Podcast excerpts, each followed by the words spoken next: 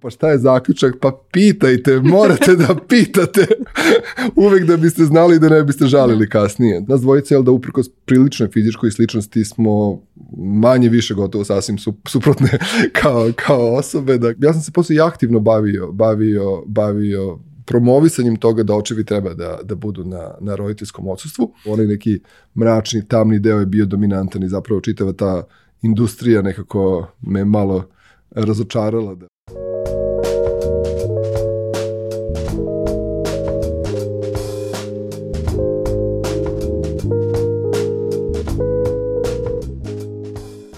Kako nam je prošlost učitelj i inspiracija za budućnost, kako nas različitosti povezuju i prave nove mostove, kako je biti sin oca iz lektire i tata ispred svog vremena.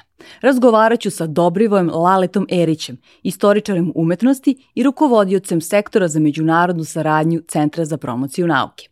Ja sam Aleksandra Petrovski, a vi pratite Fusnota podcast samo za radoznale. I obavezno ostanite do kraja ove epizode da saznate koju knjigu vam poklanjam zajedno sa izdavačkom kućom Arete. Zdravo, Lale, dobrodošao. Zdravo, Aleks, hvala na pozivu. Mi smo sad ovde u ovih sat vremena da pokušamo da, da raščivijemo kako si ti to od studenta ekonomije a, ovaj, preko istorije umetnosti a, stigao do Centra za promociju nauke i ima tu još dosta e, nekih drugih tema, ali hajde da, da, da ovaj, pošto ja volim te potpuno nelinarne karijere i životne puteve, pa hajde da čujemo prvo taj deo. Da, pa hvala ti ovaj, na takvom uvodu. Ovo za ekonomiju je vrlo jednostavno. Bio sam izrazito neuspešan student ekonomije, a i to su one 96. 7. godine kad su prioriteti bili na ulici daleko od fakulteta, tako da... Ovaj... I ekonomija nekako bila zihar, jel da? Uh, pa teško reći. Zapravo ja sam išao u 13. Beogradsku gimnaziju i bio sam prirodni smer i nekako sam mislio se time baviti, ali uglavnom u srednjoj školi sam se više orijentisao na humanističke teme i predmete i išao sam u petnicu aktivno. Ajde, petnica je zapravo ta ključna, ključna tačka kako mnogi tvoji gosti znaju takođe da je da istaknu, gde sam se bavio aktivno arheologijom i antropologijom i mislio sam da ću, ovaj, da ću, da, da ću se opredeliti za tako nešto, ali zbog nekih mladalačkih razočaranja i usmerenja ovaj, nisam. I onda sam se za, našao pred tim zidom, jel da ono što volim ne želim iz određenih razloga da studiram i šta dalje. I onda je bilo ili ekonomija ili pravo i upisao sam ekonomiju relativno jednostavno i zanimljivo je da je moja majka tada bila najsrećnija osoba na svetu jer je pomislila eto ga konačno neko normalan i praktičan u porodici. Međutim, i to, to nije dugo trajalo. Na ekonomiji sam bio e, dve, dve, dve školske godine, ali zaista nisam ovaj nekako, nekako pretredno uspešan bio u tome i onda sam zapravo imajući razna interesovanja, znanja, radio sam u medijima praktično od, od kraja srednje škole, ovaj, pisao sam, prošao sam neku školu večernjih novosti, pisao i za neke omladinske revije i časopise, pratio e, muziku, pozorište, film vrlo, vrlo aktivno. Pokušavao zapravo da upišem dramaturgiju, ali mi nikako nije išlo da napišem dramu ili scenariju, što je uslov da bi se uopšte izašlo na prijemni ispit i onda sam nekako istoriju umetnosti uzeo jel da kao neku rezervnu opciju u slučaju da, da izađem na taj ispit, a da ne uspem da prođem. Međutim, ispostavilo se da kad sam na kraju ipak upisao istoriju umetnosti, da mi se veoma dopalo, da mogu da kažem da sam se na neki način i zaljubio u ne u sam fakultet i u, i u ono što on nosio, već zapravo u temu i sve ono što istorija umetnosti nudi kada se malo zagrebe ispod te površine, ispod uh, nužno osnovnih tema, recimo poput Salvadora Dali, koga smo malo čas pomenuli, kada se vidi zapravo neka kultura vremena, kada se razume kontekst, kada se doživi se obuhvatnost sveta koja je neophodna da bi se uh, nekako analizirala umetnost koja nastaje u tom trenutku. I to mi se zaista veoma dopalo. Dugo sam studirao istoriju umetnosti. Temeljno. Uh, iskreno, vrlo temeljno, ali sam i radio praktično sve vreme i, i zaista istorija umetnosti je jedna od onih tema sa kojom se ne može mnogo šta praktično u životu uraditi, ali koja nudi neverovatno obilje znanja i vrednosti koje se uvek mogu primeniti ako čovjek nekako nađe neko svoje predeljenje i svoj put. Da, pa znaš, ja recimo kada danas uh, slušajući neke ljude koji su filozofi slash futuristi, uh -huh.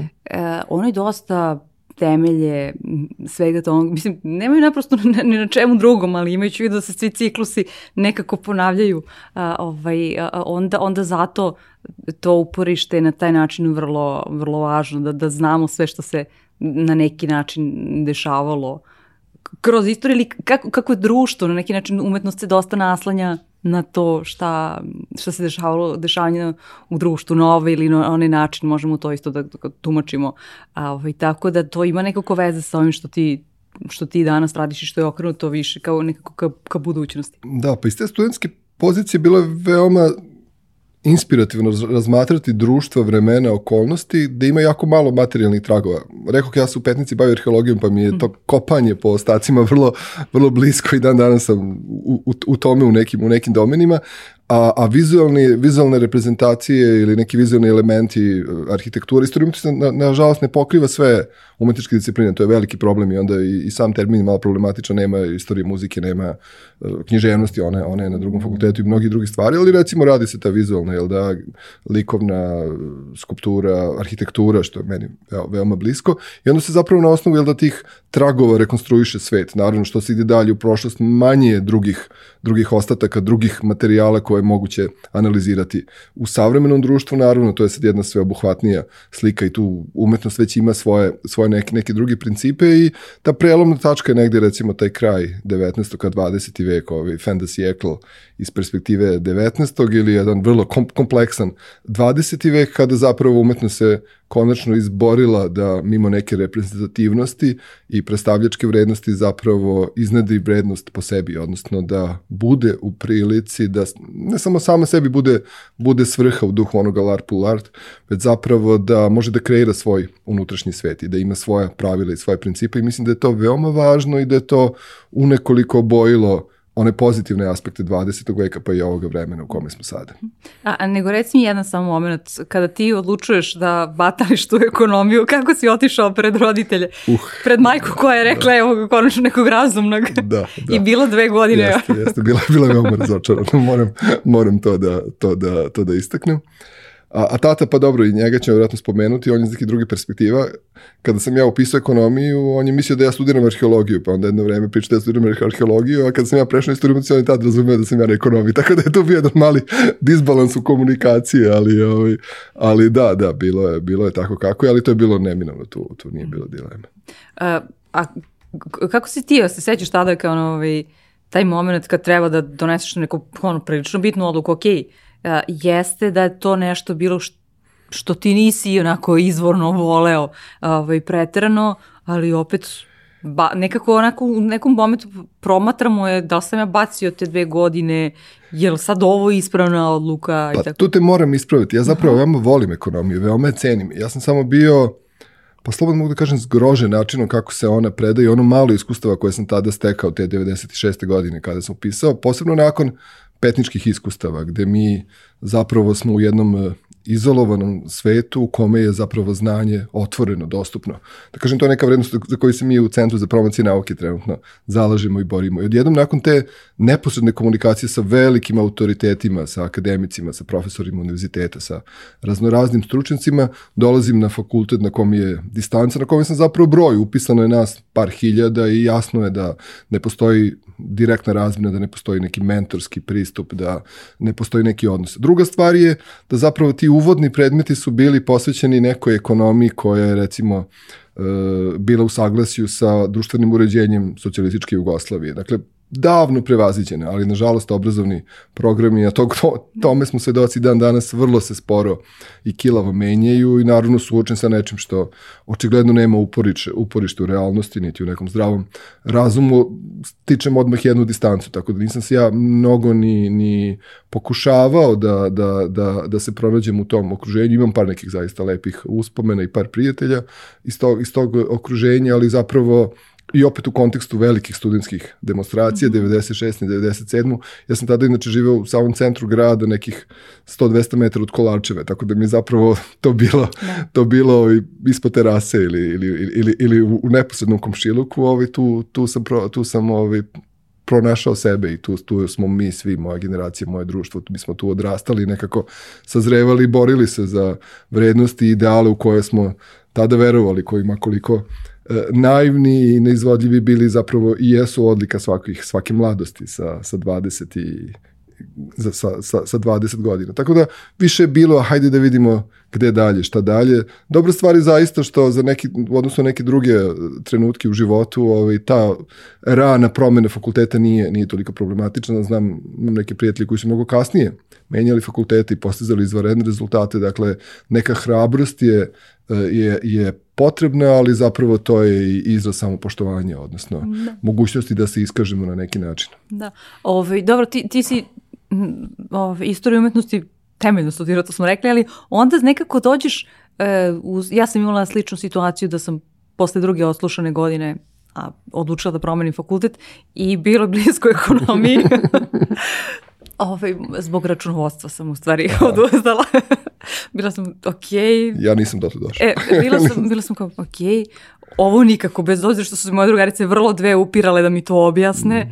Sam ja mnoge stvari razumem, ali o, ovo nikako. I da. da, ovaj definitivno bilo kao ovaj, da, da, da sam odustala, ali uh, kako je recimo moj, moj uh, tada ugao gledanja bilo kao, ha, sad je treba da dodam gas, da, da brže malo da stignem nekako, jer ovaj, da, da kako, dve, te dve godine su prošle u nečemu ovaj, drugom. Jer kakav si ti pre, prema tome a, imao tada?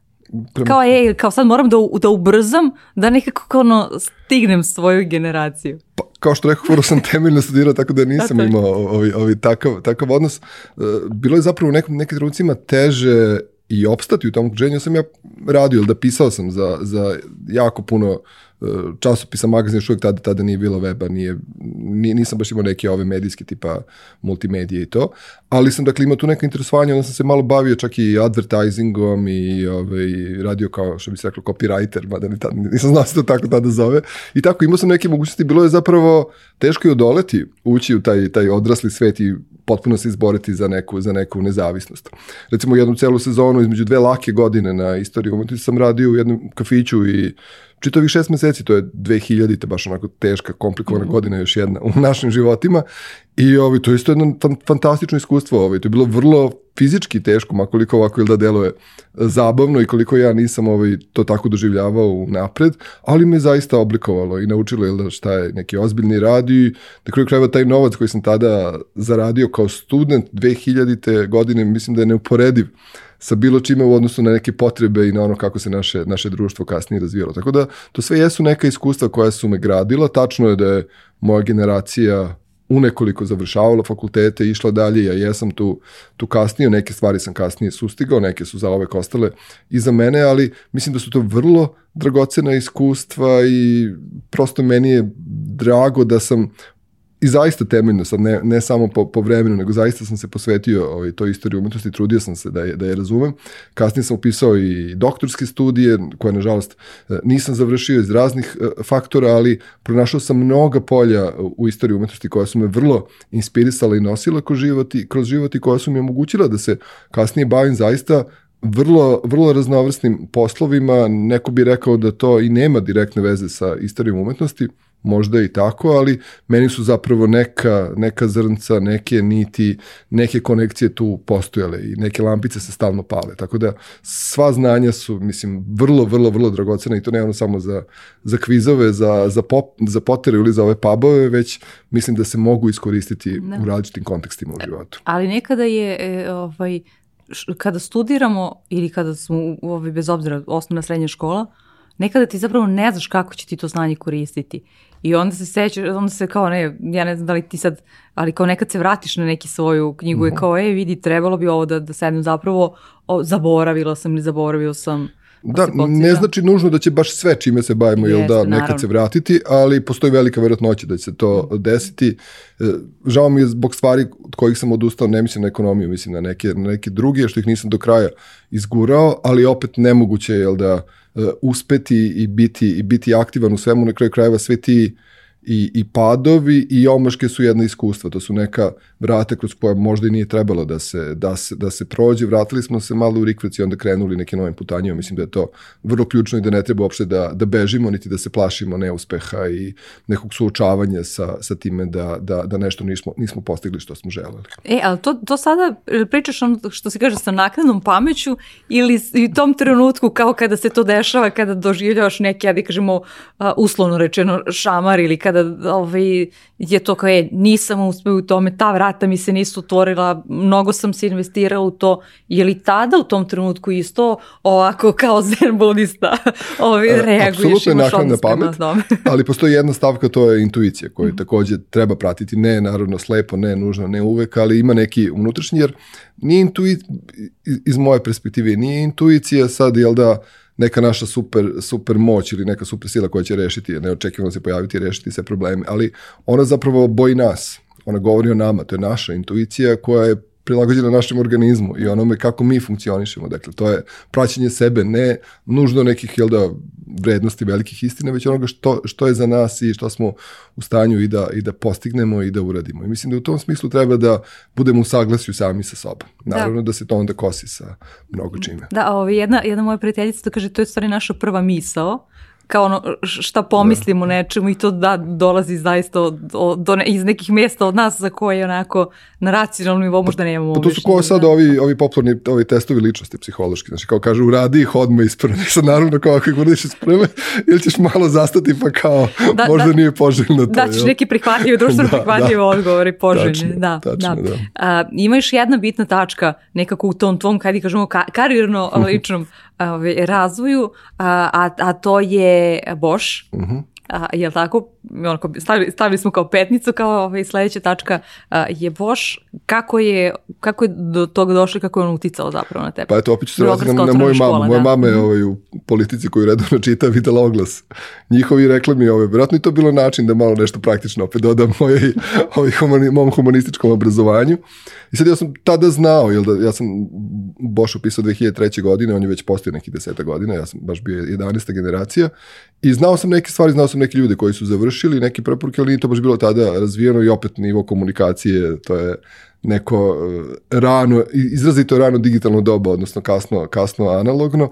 Tako da ovaj, bilo mi je zanimljivo, simpatično, e, nije bilo jednostavno pisati, bila je ozbiljna, ozbiljna e, konkurencija, ali zapravo Bosch je eto, nastavio tamo gde je, gde je petnica stala.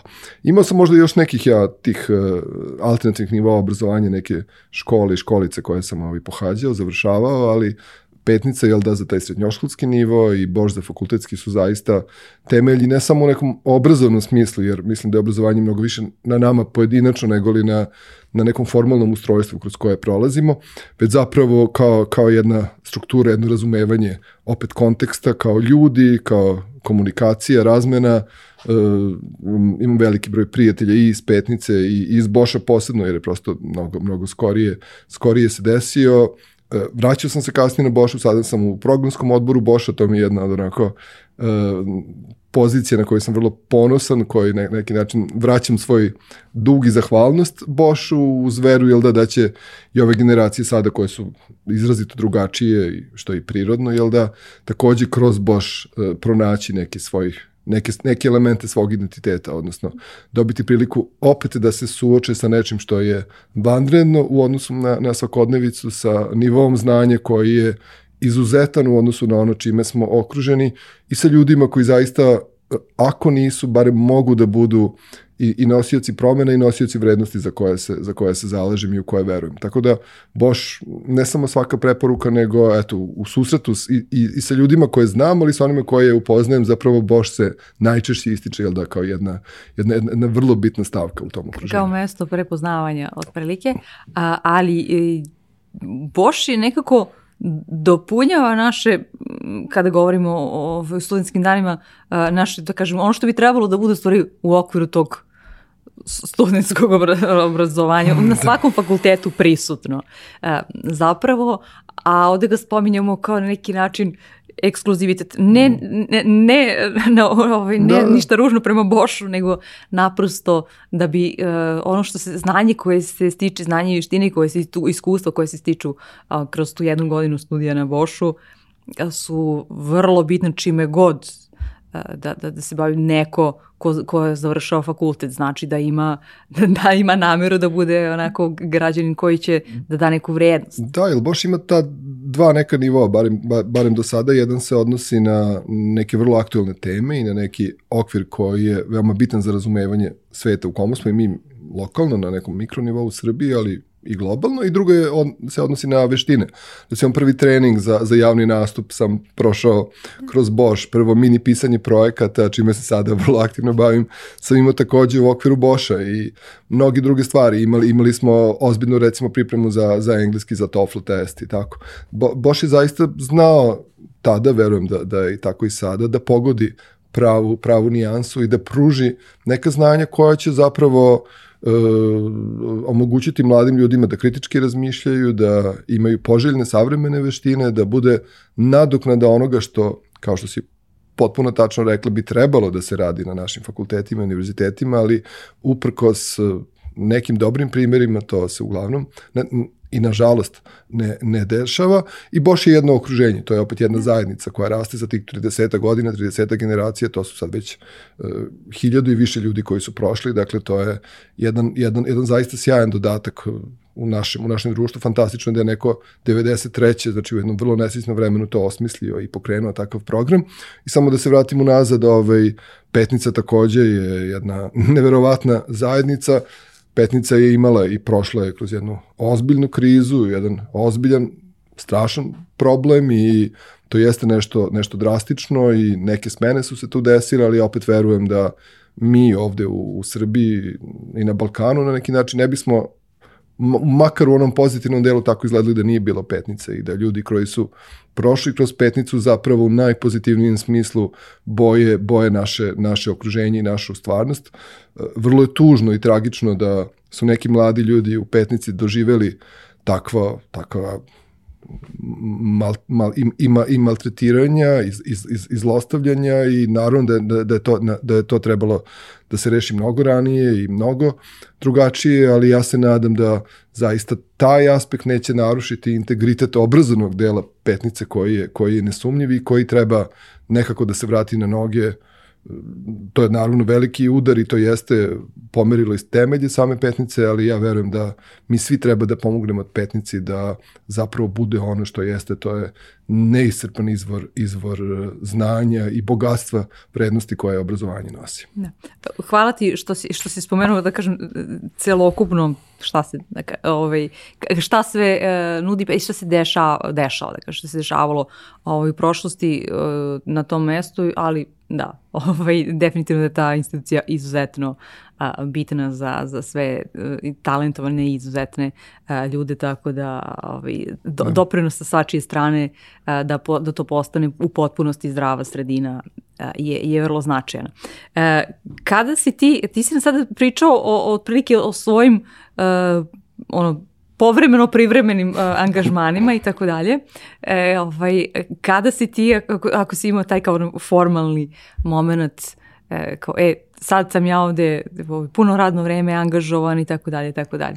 Pa to se opet dešavalo na, na, u, u, paralelnom, u paralelnim okruženjima i na paralelnim nivoima. Uh, još dok sam pisao diplomski rad na, na, na istoriju umetnosti, dobio sam ponudu da počnem da predajem na jednom privatnom fakultetu koji se bavio modnim dizajnom. To je bilo zapravo istorno deljenje jedne francuske škole, što mi je onako bilo iznenadno i vrlo inspirativno. Bilo je opet zasnovano nekim prethodnim kontaktima, poznanstvima, prijateljstvima i na tome što sam eto učestvovao potpuno igrom slučaja u, u, u nekim turama i na jednoj ekskurziji u Italiji gde sam eto pričao malo o, o, o renesansi u Italiji, to su čuli neki ljudi koji su imali veze sa osnivanjem te škole. Dakle, to su te stvari koje zaista se nekako poklope i preklope, a da, da, a da nikome nisu ni, ni na kraj pameti. I to je zaista bilo jako lepo, ali to je naravno bilo uzgled. Tada sam razmišljao onda da li da nekako se opredelim na, na tu stranu. Tu je bila prva inicijacija da možda idem ka doktoratu, ka doktorskim studijama, iako mi to prethodno uopšte nije, nije bilo blisko. Međutim, trebalo je naći ovaj, to što kažeš, e, puno radno vreme i to se desilo opet jednoj oblasti kojom se takođe bavim od, e, praktično od kraja srednje škole, a to je izdavaštvo. Ovaj, tu imam jake porodične veze i prosto sam e, odrastao u takvom okruženju i detinstvo sam proveo i, i, na, i, na, i po sajmovima knjiga i na zmajevim dečim igrama i po raznim mestima gde gde, gde književnost živi, gde se stvara, gde se predstavlja, gde dobija jel da neku svoju ljudsku notu. I to mi je bilo blisko čak negde u toj meri da sam bio ubeđen jel da, da ću se u životu time baviti profesionalnom smislu da ću jednog dana imati neku svoju izdavačku kuću i da mi to bude opredeljenje. Jedna mala anegdota, kad sam završio istoriju umetnosti, sad, sad dobio sam ona diploma i dobio sam neko pustvo uz diplomu koje negde mi stoji. I recimo zanimljiva stvar koja mi u životu nije pala na pamet jeste da tamo piše zašto smo mi obučeni kada završimo istoriju umetnosti, jedno je urednik u izdavačkoj kući. što je potpuno neverovatno, jako se mi uopšte na nažalost književnošću, jel da ne bavimo oštim što, što čitamo knjige o umetnosti. I tako sam ja počeo da radim u, u jednoj tada srpsko-italijanskoj izdavačkoj kući. Nisam se dugo zadržao i mogu reći da sam i živeo tu, tu svoju želju. To je bilo vrlo uh, lepih dešavanja, iskustava, poznanstava, aktivnosti, ali zapravo onaj neki mračni, tamni deo je bio dominantan i zapravo čitava ta industrija nekako me malo razočarala da bi se dakle videlo i došlo do toga da jedna knjiga izađe jel da pred publiku šta sve stoji iza toga. Daleko toga da, da, da, da to nije neophodno možda se može raditi na različite načine ali prosto u tom okruženju nisam nisam bio srećan mada smo recimo imali vrlo lepa i, i vrlo lepe i zanimljive iskustva i susrete recimo u to vreme to su negde 2007 8 godina prava na Harry Pottera za Srbiju su bila su bila zabranjena zbog e, piraterije I onda sam ja nekako sebi stavio, jer sam se bavio prevodima i stranim izdanjima u Eurođunti i Davačkoj kući, stavio da, da pokušam da, da, da se izborim.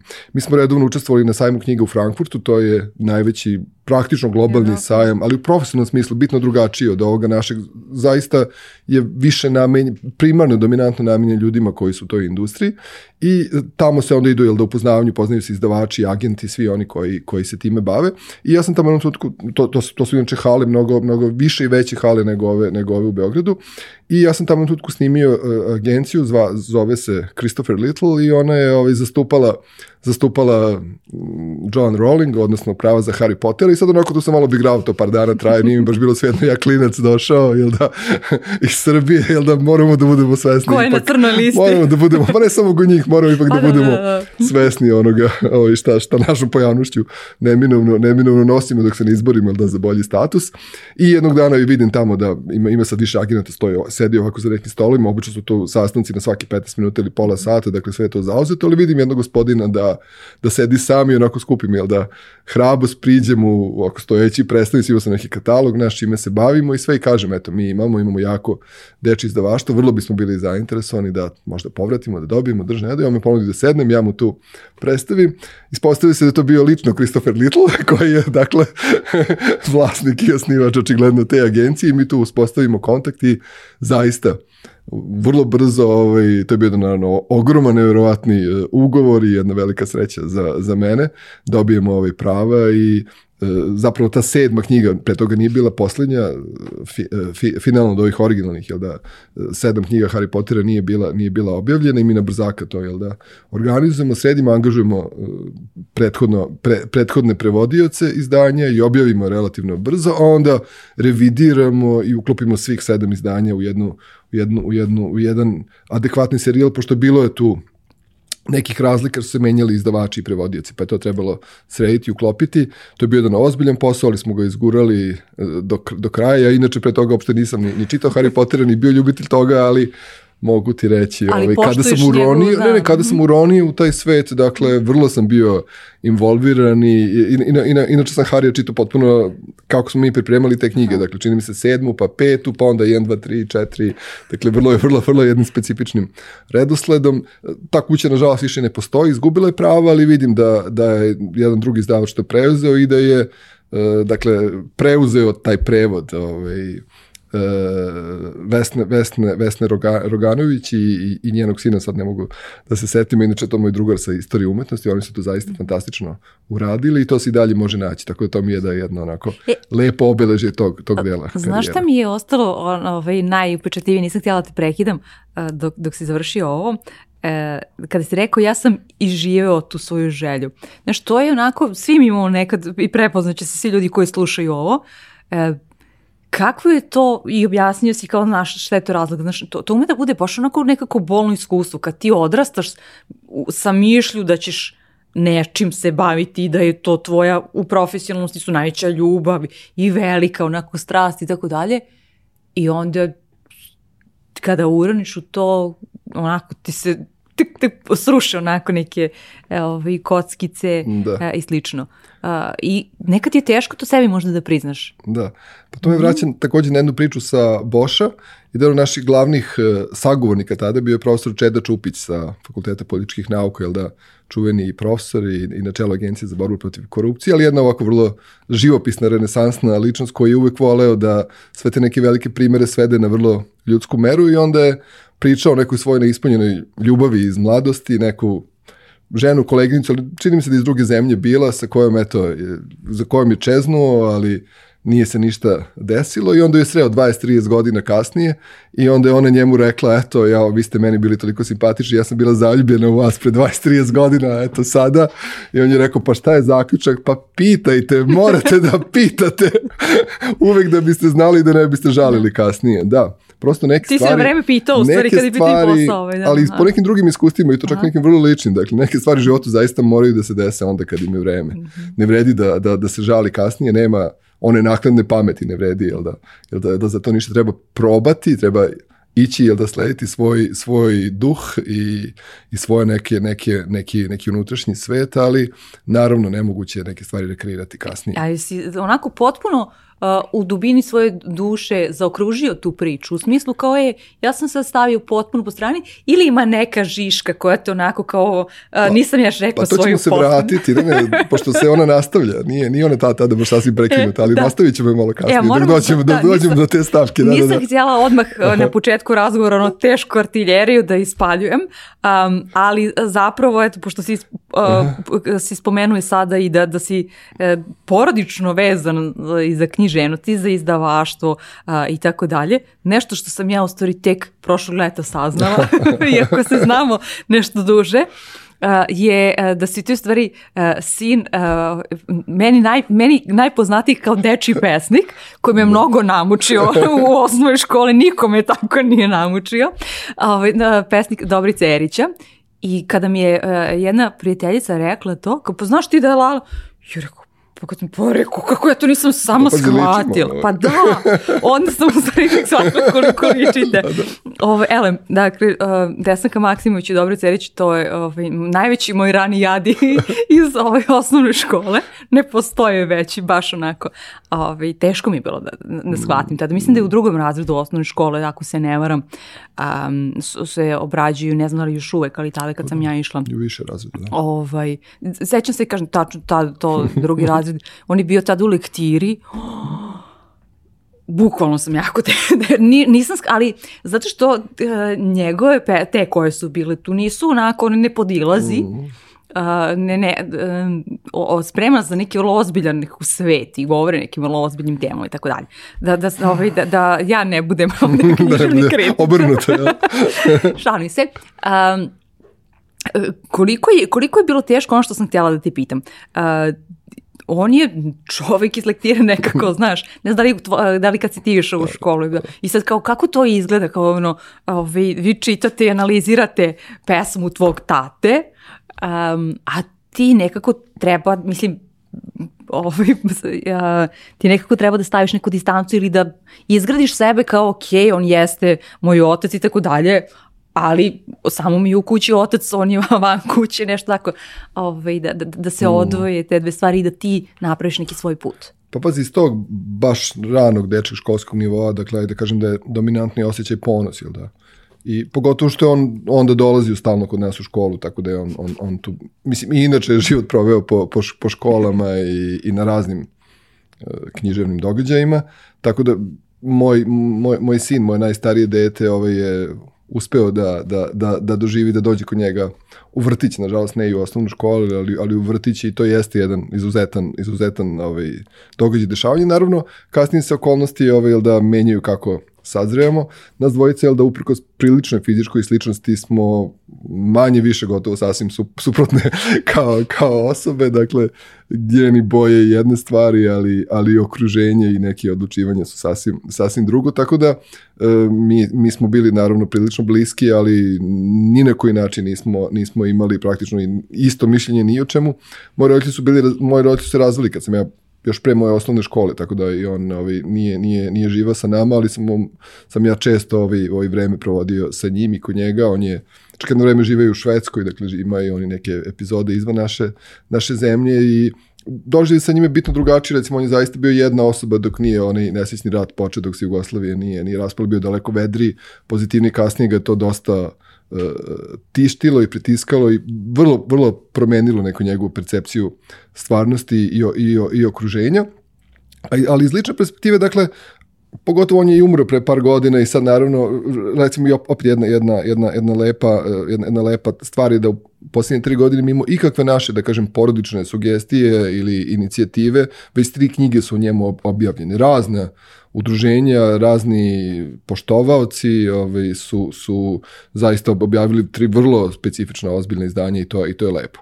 Ali druga stvar je zapravo da, da svi mi kao deca neki koji su javno ili da poznate ličnosti smo u vrlo nezgodnoj poziciji jer e, nikakvom ličnom zaslugom, e, niti naravno da smo pitani, niti da, da, da, da, da, da želimo to da budemo, smo na neki način u, izloženi jel da, o, o sudu, sudu, sudu javnosti. Sad u njegovom slučaju i u našem slučaju to nije bilo toliko, toliko drastično, on se ipak bavi jel da, književnošću i to je nekako lepa, lepo, lepo prepoznata jel da, jel da, aktivnosti popularan je, ima naravno i one neke, ne, neke svoje teme i kontraverze koje su tu u javnosti, ali to zaista nije toliko.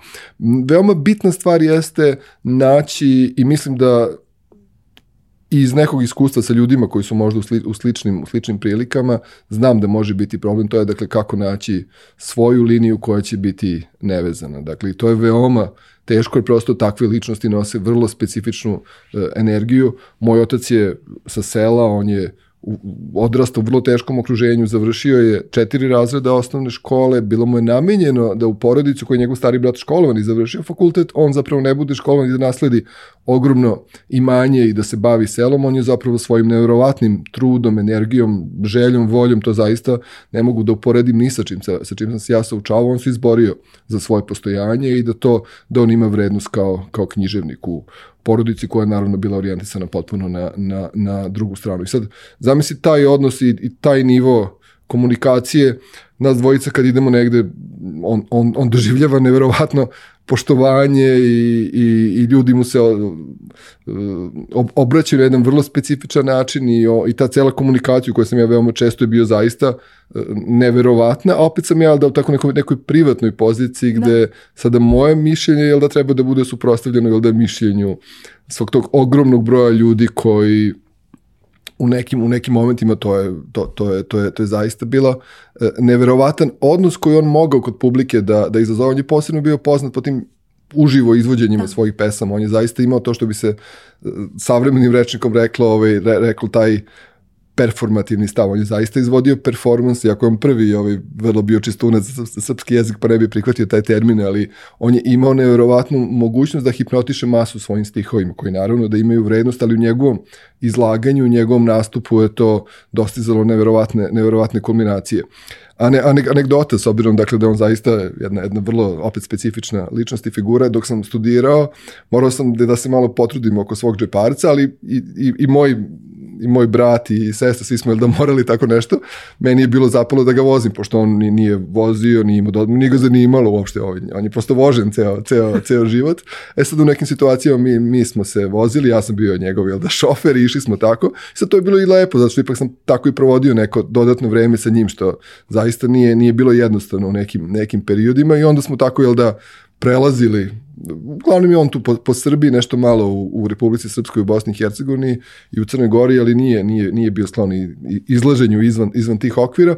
I onda smo mi tako, jel da, išli, dolazili, on je bio e, ekstremni ranoranilac, a meni otprilike dan počinje tek posle podneva, noće, moj, moj, moj period života, on voli da dođe e, sat vremena ranije, barem, a meni je okej okay, ako se malo, malo zakasni, ja ne volim kad mi, kad mi gosti dođu, dođu ranije, znači sve je bilo sasvim drugačije, ali eto, posebno iz neke pres, moje sadašnje perspektive i kako njega nema, jel da već, već par godina, a nažalost više godina nazad je bio ozbiljno, ozbiljno e, bolestan i u nekom unutrašnjem svetu, zapravo su to vrlo, jel da, specifična sećanja gde sećam se recimo pre tih vožnji, sad mi se tu sukobljavamo oko svega živoga i borim se, jel da ja na neke svoje mišljenje stave, onda kad ga vozim, prosto sam vrlo uslovljen time i onda moram da ćutim i da slušam, verujem da on to i namerno tako organizovao jer je znao da mi ima, da mi ima u šaci, ali kažem, to su stvarno ovi neka, neka vrlo, vrlo simpatična e, iskustva ili recimo kada nekim godinama jel da se krenemo da se recimo proštamo Knez Mihajlovo, mislim to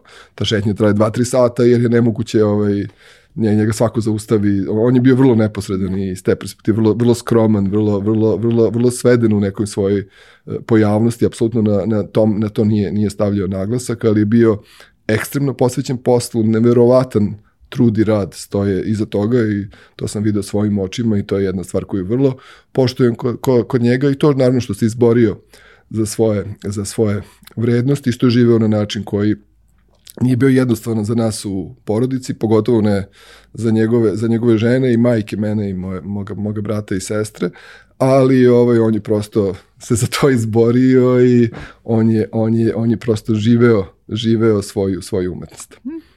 Kako, kako se ti onda, e, bez obzira da, e, jer meni se čini jednako teško da, da nosimo breme svojih po, javnih ličnosti roditelja, pa bez obzira čak i da su oni u najboljem svetlu, uh, skoro isto kao i u onom svetlu koje, koje nije uh, tako lepo. I sada uh, dosta ljudi može da gleda kroz tu prizne kao on je veliki dobrica sada a, i, i njegova deca ne mogu ništa manje postići a, od toga. I sad kako ti sam sa sobom da napraviš ove, tu distancu, jer ti si prisutan tim scenom kao da on prolazi, znači cijela knjeza Mihajlova, a ti se isto delom baviš javnim poslom, hajde da kažemo.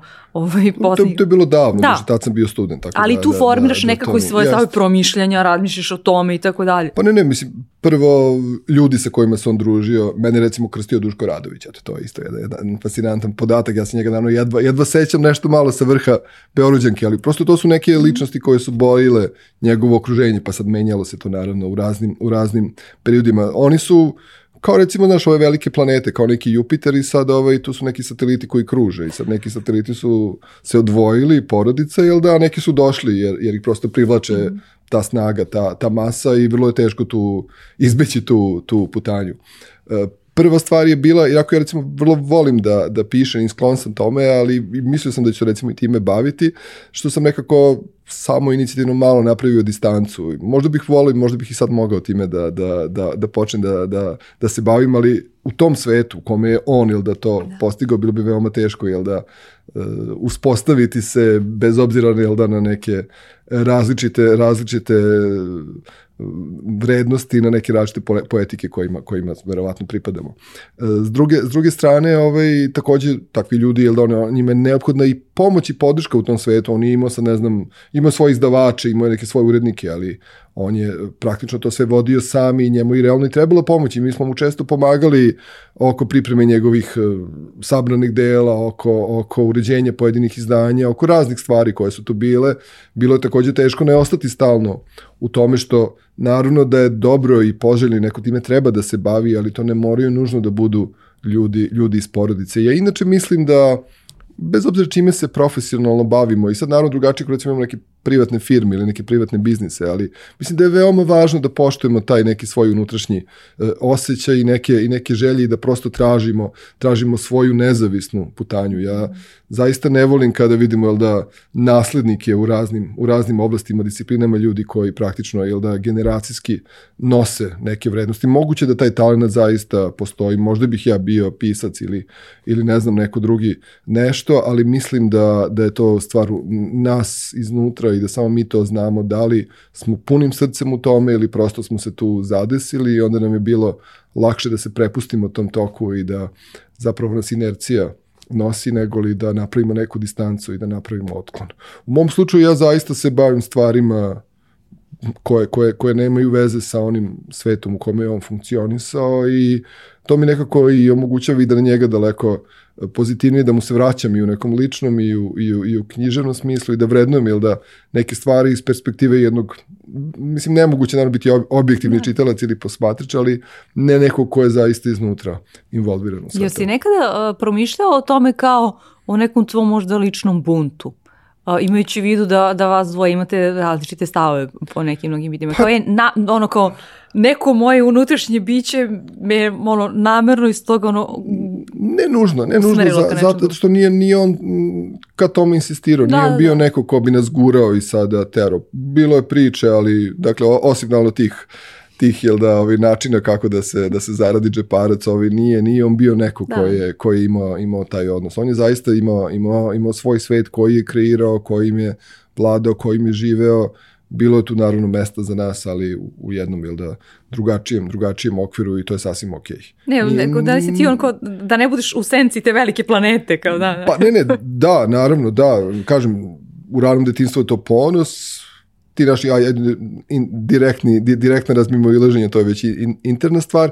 Kasnije naravno bude neko opterećenje, milion puta su mi ljudi pitali da što ti ne pišeš, kad ćeš ti da pišeš i sve. Naravno da, da, da to može da, pre, da, pre, da izazove neku, neku reakciju, ali u suštini ne. Zaista je, ovaj, zaista sam ovaj nekako prosto sledio sebe i ove sve promene i, i ono kako sam za sobom tragao nemaju veze u suštini sa onim, sa onim šta, je, šta on predstavlja i, i šta je on bio iza, iza mene lično i šta je ovako u javnosti. Da, e, da se vratimo sad na ono izdavaštvo, napravili da, smo naprosto, da. nismo, nismo mogli da preskočimo ovaj, ovaj deo, jer se već i nekako načeo tu temu, da, da zaokružimo tu, ovaj, taj put dalje kroz izdavaštvo tvoj. Pa da, pa, mislim, ali tu ima jedna pauza zapravo.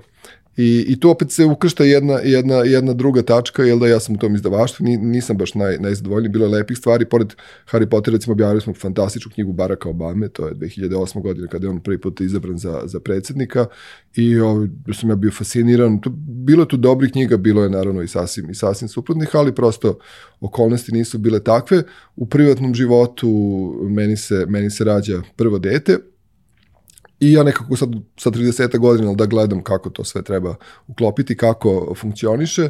E, moja tadašnja žena, ona dobije neki posao koji je, ona se bavi naučnim istraživanjima i dobije neki posao koji je izvan naše zemlje i meni odjednom sine da se to može sve razrešiti na jedan potpuno drugačiji, alternativni meni tada nepoznat način, a to je da ja preuzmem to što bi se reklo porodilsko odsustvo, odnosno roditeljsko brigu o detetu. Brigu o detetu, da, što je tada, dakle, opet 2000 to je sad već 2009.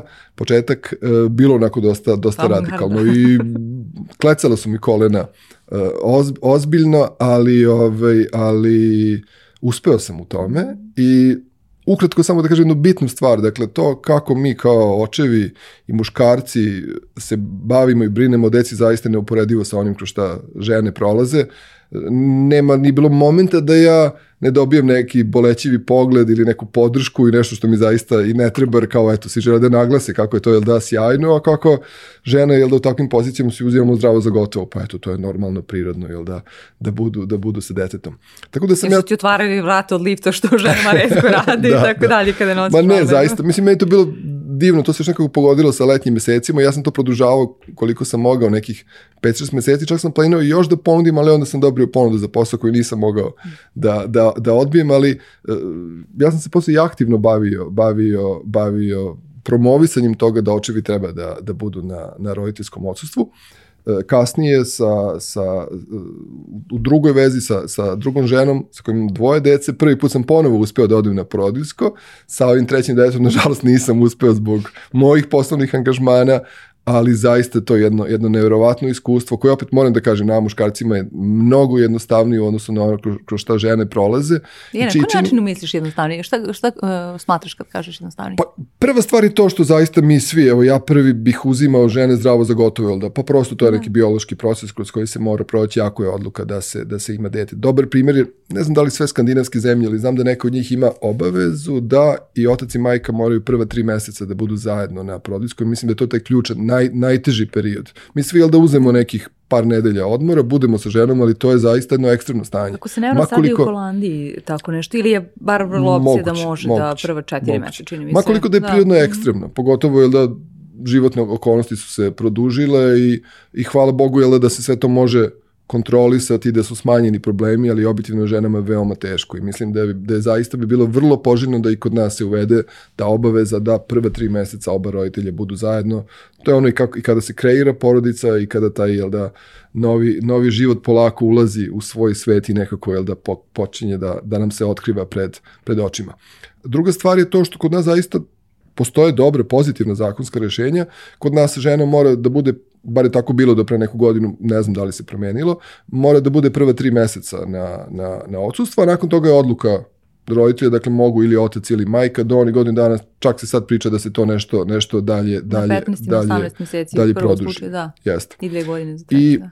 Jer ne mislim nužno, ne mislim nužno da će takve stvari jel da popraviti okolnosti koje objektivno u našem u našem društvu nisu dobre. Mislim da prvo moramo e, i ženama, ali i porodicama da pružimo neko daleko dublje, dublju podršku i dublje poštovanje, jer nije sve zastavno na nekoj finansijskoj kompenzaciji, niti na nužno odsustvo. Mnoge stvari zapravo kroz roditeljstvo traju i produžavaju se nakon tih meseci. Moje deca su sad, ne znam, 2, 6, 14, mislim, vrlo je teško.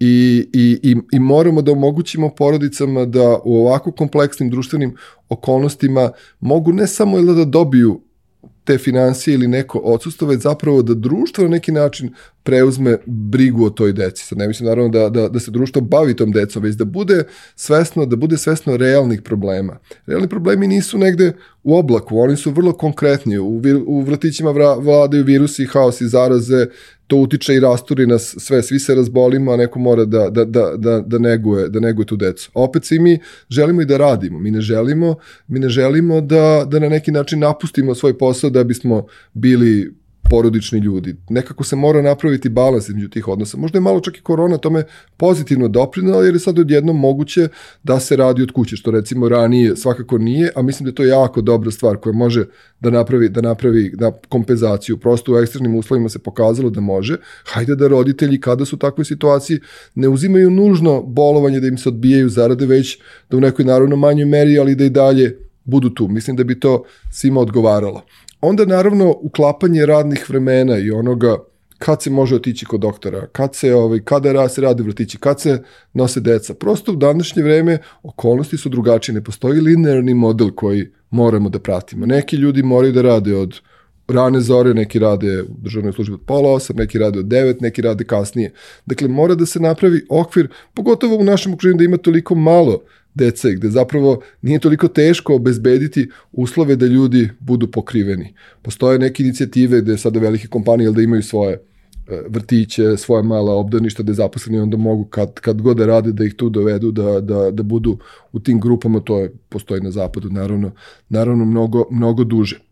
I to je za Onda, mene ono najbolji benefit koji pa čak i neko ko, ko, ko, kome se, koji se može ponuditi, pa čak i za nekoga ko je na fakultet, mislim u smislu da. da, da se govori o tome, da se priča o tome ovaj, za osnovu kao je, mi smo dobra kompanija za tebe kao potencijalnog da. zaposlenog zato što ovaj, između ostalog nudimo, nudimo i, i vrtić u okviru. E, a reci mi, kako je tvoje baš sa, sa, sa prvim detetom a, iskustvo kad si se snašao, ko šta je sve ovo mene snašlo još u vreme kada nije postojalo toliko a, blogova i dostupnih, kad Halo Beba nije na taj način funkcionisala, jeste, jeste, ali nije, sad nije, imaš sve da pročitaš da, da, na aplikaciji ne, ne, ne, bila, pol. Dobro, pa to je 2009. Bilo je, da. već, bilo je već tada dosta. Tad je bilo na Ali, ali sećam se prvog, ovaj, prvog, prvog, dana, sada. prvog dana, mi smo na kolima odvezli njegovu mamu na aerodrom, ona je otišla, mi se vratili kući, a on je tada imao nekih 10 meseci, 9 meseci. Ja ga stavio ovako na krevet, nas dvojica sami u kući, ja ga gledam, šta ćemo sad, da, da, da, baš je tako bilo. Sad ja sam još sad i uzao nešto da radim, paralelno ne, ne, neko prevođenje i time sam se malo bavio i ovaj, onda sam imao i opet pomoć, podršku, bake su uskakale, dakle kažem, bilo je tu i realno i previše podrške i, i razumevanja, a onda opet to je bio uh, to je bio april, onda smo mi to celo leto uhvatili malo u Beogradu, malo na moru, to, to je bilo najlepše leto u Beogradu, uh, ikada nas dvojica ovaj, tu onu kolicima, spava, šetamo, uživamo, to su ona leta još uvek sa, sa ranim uticima klimatskih promjena kada je bilo moguće provoditi praktično ceo dan. To je zaista fantastično iskustvo, on je u tom periodu nešto kasnije prohodao i tako, prosto su to, to zaista neke vrednosti koje bih verovatno preskočio, kojih ne bi bio da. svestan na, na takav način. Sa, sa drugim detetom, sa tokom, ovaj, bio sam kraće, neka tri meseca, a čak u posljednjih mesec dana sam morao da idem na posao svaki drugi dan. I to zbog sebe, nije, nije me niko ne opterećivao, sam sam bio za to, za to odgovoran, pa su opet uskakale, uskakale bake i tu je bilo, a ova treća, najmlađa, ona nažalost nije, to je nas dvoje nažalost, nemamo, nemamo to iskustvo, bilo je, bilo je nemoguće da se, da se to uklopi. E, koliko je tebe, e, spominjao si malo pre da sada imaš drugačiji odnos, sa takvim iskustvom drugačiji odnos prema ženama koje su a, majke, koliko je tebe sad sveukupno a, promenilo to i sa najstarijim detetom koliko nekako imaš drugačiji odnos, da bliski nemaš, nemaš se čime da uporediš ovaj, iz ličnog iskustva. On je, on je tineđer. Vide, Dobro, sad tineđer, da. ovaj, ali dok, dok nije postao tineđer, dok si mu ovaj, još bio super heroj. da, da, da. Vidjet ćemo, da, da. Pa ja tu imam jednu malo drugačiju perspektivu. Eto, I pošto imam troje dece, mogu o tome da govorim. Ja zaista prvo mislim da imati ili nemati dete isključivo individualno. Dakle, da. to niti, niti obaveza, niti odgovornost, to je lična stvar I postoji racionale i za ljude koji žele da imaju jedno ili koliko god i za one koji, koji ne, ne, ne žele. U današnjem toliko kompleksnom svetu u kojem e, vrednosti naše dece zapravo boje, boji okruženje, boji, ajde škola normalno, ali boji neko javno okruženje u koje su oni sada apsolutno uključeni kroz telefone, kroz medije, kroz ono, ono, ono, ono u čemu se učestvuju, kroz šta prolaze, zapravo pozicija roditelja je još bitnije, ali, ali, ali veoma slabija. I to prosto nije za svakoga i to nije jednostavno da se postigne i, i omogući ta energija koja će to na neki način balansirati, e, kom, e, kompenzovati. Druga stvar je što, evo opet sad dolazimo da na ovo čime se danas bavimo, ovaj, čime se ja bavim, to su dominantno klimatske promjene, klimatska pismenost i, i razumevanje okruženja, dakle mi E, donosimo, stvaramo decu u izrazito nestabilnom svetu. I sad ne ovo što se desilo, ne znam, rat i ove okolnosti, već zaista u svetu koji se e, ra, e, negativno rapidno menja, gde nauka već stvarno može direktno da kaže da nama kao vrsti preti izumiranje, jedan ozbiljan ud, ud, udar izumiranja do kraja ovoga veka. Mi to verovatno nećemo srećom ili nesrećom doživeti, ali naša deca očigledno hoće. To su dakle prosto stvari na kojima se moramo zapitati, jer mi ne dovodimo decu da bi produžili našu vrstu, našu porodicu, našu naciju, šta god, jel da, verovali već dovodimo da bi kreirali svet u kome ljudi mogu da, da opstanu, da razvijaju, da žive, ali zapravo svet je takav da se manje šansi da, da, da se to zaista može, može više i desiti. Mislim da, da prosto svi moramo dobro da stavimo prst na čelo i da vidimo da li stvari radimo po automatizmu ili možemo da ih razumemo i da li možemo za svoje porodice, za svoju decu da omogućimo neku, neki, neki, neki zaklon, neku, ne mogu da kažem zaštitu jer to ne postoji, ali da li možemo zapravo da im kreiramo svet u kome će oni moći da budu ljudi u nekoj meri u kojima smo mi bili. Bez obzira dakle na sve ove preimustva i vrednosti, ali prosto ono što se dešava je ekstremno uh, ozbiljno i nikada se ljudska vrsta u prošlosti ni sa čim sličnim nije, nije suočila, makoliko da smo jel, da bili zli jedni prema drugima i ma šta smo izmišljali da bismo, da bismo eliminisali jedne druge. Tako da mene to lično vrlo, vrlo opterećuje, vrlo me dotiče i to čak i ne gledam iz one perspektive koje takođe postoji kao neki javni, javni diskurs, a to je jel da koliko deca doprinose, jel da koliko, koliko, koliko, koliko broj ljudi pove, poveća utjecaj na klimatske promene, koliko više emitujemo gasova sa efektom ovaj, ugljen dioksida u atmosferu, to mislim za neke zaista najdublje ljudske humanističke perspektive. E, ne verujem da mogu da im budem uzor, i superheroj kada im to kažem, jer ovaj, pokušao sam na mnogo načina da im pričam o tome i srednjoj i ovom naj, najstarijem i to je zaista vrlo, vrlo teško i, i, i blago. On, on, on se u jednom trenutku malo i aktivirao, bavio se time sad da li ja treba njega da pravim aktivistu i da ga motivišem ili ne. Ne znam, jasno je da te odluke i neki potezi nisu na nama pojedinačno, niti na našoj deci, ali da mi pojedinačno mnogo možemo da doprinesemo svojim, svojim angažmanom. To je za mene je prosto jedan jedan zid, jel da, u kome radim nešto što mislim da treba, ali apsolutno nisam, nisam siguran imali to, to, to smisla i efekte ili prosto će stvari ići nekim svojim tokom. Da. E, ja kao, kao roditelj isto imam baš, baš onako pa ponekad se osjeća malo anksiozno. Upravo mm. na liniji ovoga što si sada um, rekao, promišljajući tome kao, aha, kako stvari mi... Um, kak, ne samo ni kakav svet, ono, nego ono, kakav smo svet osudili našu decu bez, bez namere da zvučim ono, utopistički na, ili slično i maltene doživljavam kao svoju obavezu da na, na svakom nivou promišljam načine, iako ovaj, ona ima samo tri godine u ovom trenutku, ali promišljam načine kako da ona, da nikako mar, makar njoj usadim neki kao ovaj, zdrave navike. Da, te, sva, čitavo to pitanje je mnogo ovaj, šire i tako dalje, ali a, ako ona bude donosila neke bolje izbore nego što, što može, ako svi ma po malo uradimo, možda možemo ovaj, nešto od toga a, da uradimo. I, i kako ti s druge strane kao, kao profesionalac a, jeli, a, Centar za promociju nauke a, dosta komunicira, pogotovo projekti na kojima ti radiš dosta komunicira klimatske promene, kako će to izgledati a, u budućnosti i slično, a, ali baš ovog pitanja koga smo se sada dotakli, a, ono, kako da mi na praktičan način edukujemo ti si rekao aktiviste, ne moraju da budu uh -huh. ono, ove, aktivisti na nivou Grete, ali ono aktivisti uh, u, svo, u svom parkiću, a, ovaj, ja verujem da, da to svako dete treba. Da, da naprosto nametnu a, i način dobrog ponašanja ovaj, na, mm. na svaki način. Pa, na, na svakom mestu. Pa ja i profesionalno i lično, privatno verujem u dve stvari, a to su uh, proces i vrednosti. Proces je nešto u što moramo ući da bismo videli da li funkcioniše i ne zanimaju me čak ni ishodi. Uh, verujem da se tokom procesa mnogo može naučiti i nekad su naravno sjajni rezultati, nekada ih nema, ali to je neki put kojim se mora proći pa i da se vratimo nazad, a vrednosti su naravno nesumljive. Sad naravno postoje vrednosti koje se, su stvari komunikacija i perspektive.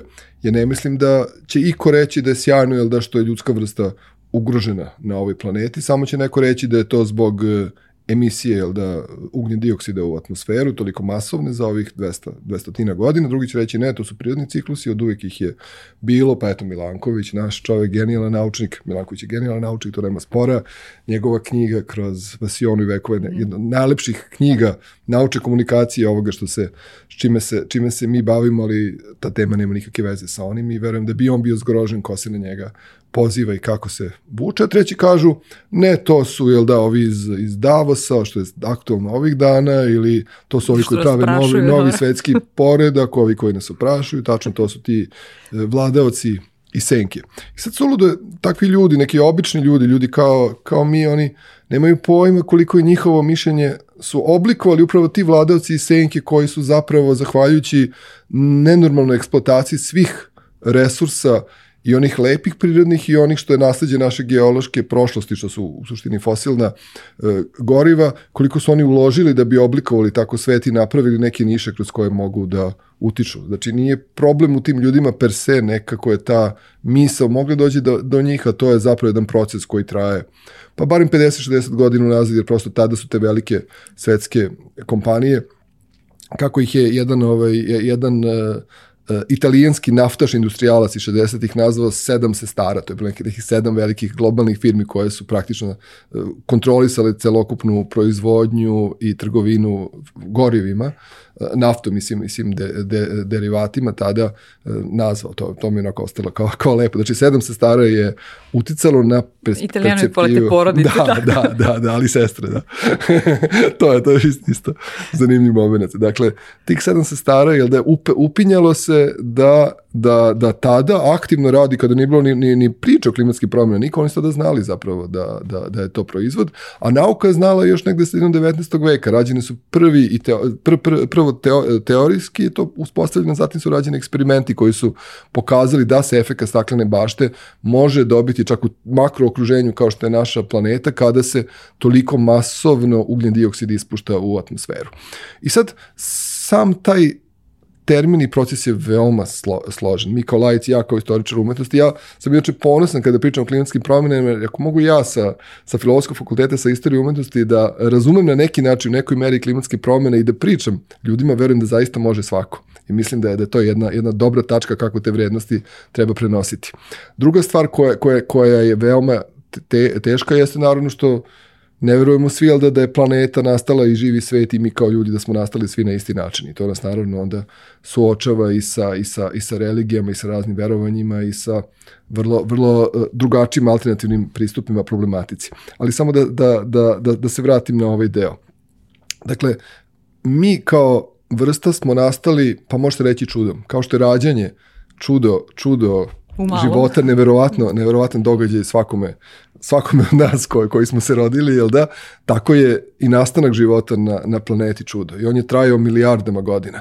I to je jedinstveni proces koji se ne može replicirati, on se ne može reprodukovati, on, je, on se desio i nevjerovatno se prilo, priroda prilagođavala tome da praktično izbaci jednu toliko superiornu vrstu kakvi smo mi ljudi sada. Ali da ne budemo u zabludi, ta priroda će nas zapravo smatiti, jer mi sada radimo i protiv sebe, ali i pored, pro, protiv nje kao, kao, kao velikog okruženja, kao pro, pro, protiv makrosistema i priroda će se na neki način revitalizovati. Naravno, nije naša vrsta jedina koja će stradati, već su tolike e, ne, nestale, istribljene su, neke su mi direktno, neke su kao posledica, kao kao, kao, kao, kao posljedica svih, svih dešavanja na planeti u poslednjim vekovima, ali zapravo ne postoji mogućnost da mi percepiramo i da možemo da mi pojedinačno, osim ako nismo ne znam kakav nevjerovatan genije, tu liniju života koja niše ga zapravo dovede jel da, do nas ovde u studiju. Ta informacija, prosto taj proces, to je zaista vrhunsko, vrhunsko znanje našeg, našeg sveta i našeg, i našeg postojanja. Kada ja, bismo nekako da. to mogli da podelimo, verujem da bi ljudi shvatili koliko su osetljivi svi ti elementi, da to nije datost, da je to jedan neverovatan uspeh u nesagledivom periodu, periodu vremena koji mi u jednom ekstremno kratkom periodu vremena zapravo sada uništavamo. E, Direktno. Ali ako možemo, da. Ti, ti, ti, ti da govoriš o, o, o prostornom, o, izvinjavam se o vremenskom a, razdoblju, a ovo, ja ću da obrnem e, percepciju. Sa, pod utiskom sam nedavno knjige jedne koje sam slušala a govori o kosmonautu mm -hmm. NASA, uh, koji je zapravo postao uh, vrlo veliki, uh, ono što se kaže agent promena, uh, kada je prvi put pogledao, odzumirao fizički, dakle prostorno a, ovaj, se, se pomerio. Vremenski teško da možemo, da, da. mi smo jedna, a, ovaj, naš život je mrljica jedna na toj vremenskoj a, liniji, kao što smo i mi jedna isto tačka naspram mm. čitave planete, ali je on ovaj, uspeo je na taj način da odumre onda je a, shvatio kao da, kao ovaj, koliko je planeta Zemlja naš dom bez obzira, ti se spomenuo da, postoje i, i, i, i nacionalne i verske tako dalje, i, i, i sukobi i distance, tako da ovaj, u vezi sa najrazličitim stvarima počeo od toga da li se vežba joga ili treba da se vežba pilates da. a, i slično podvrlo sam da. velikim utiskom a, toga, a, ali onda kada sagledaš to kao ovaj, da, je na, da je naša planeta Zemlja u stvari svima znamo zajedno a, ovaj, kuća, onda potpuno drugačiju imaš a, percepciju toga da zapravo možda bismo mogli da gađamo više e, tu, tu, tu ovaj, e, fizič, odnosno prostornu zapravo pripadnost nego, nego tu vremensku kada govorimo o, o svakoj naš, da, postoje, postoje e, odgovornost koje, koje je ono neizbrisiva, mi ne možemo da, da, da uradimo ništa da izbrišemo to, ali možemo da neke stvari korigujemo i popravimo pa čak i naše pojedinačno a, ovaj, ponašanje, hajde tako da kažemo, svesni da, da je mnogo veća stvar od nas samih, ali ovaj, od da, nekoga promena da, nekako da. mora da krene i ta, ta ovaj, osoba treba da bude. Pa da, drugi nivo komunikacije, jedna od čestih poruka koja se šalje jeste da postoji planeta B.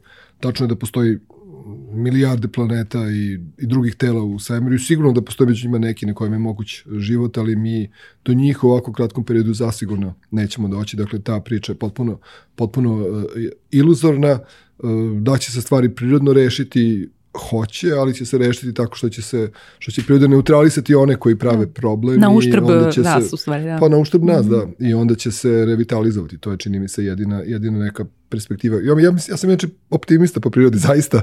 Ne bih je, želeo, meni je skoro ne bih želeo da, da, ovaj, da mračim ovde, ali zaista mislim da se moramo suočiti sa, sa činjenicama i sa, i sa realnošću. Nisam, nažalost, ovaj, otišla na, na, na vašu izložbu koja je bila u Novom Sadu. Mm -hmm ali e, sam skoro prolazila u, po, i pogledala mikroizlog, odnosno mikrogaleriju u Kralja Petra u Centru za promociju nauke i baš sam se ozbiljno naježila nije mi bilo dobro. Izvini, ali ti si doprinula tom Ja sam krivo, da, Ajde, da, da. da. I piše da. tamo, pot, pot, da, se kao da, videla sam, baš, da. mi, baš mi je bilo drago kada da. sam, o, više kao, kao zahvalnost, kao ovih, da. hvala, hvala zbog toga. Da, mi smo, ovi, jedan naš razgovor je bio a, kad sam ja rekla kao hali, ljudi će zapravo nekako reagovati, vidiš na mene je to, ovaj, uh mhm. -huh. mene je to ovaj, vozilo onako ozbiljno, ljudi će zapravo reagovati ako praktično, ako vide to, ako na neki način fizički oseti kako će izgledati uh, za Da, kapsula je bila u Novom Sadu da. 10 dana.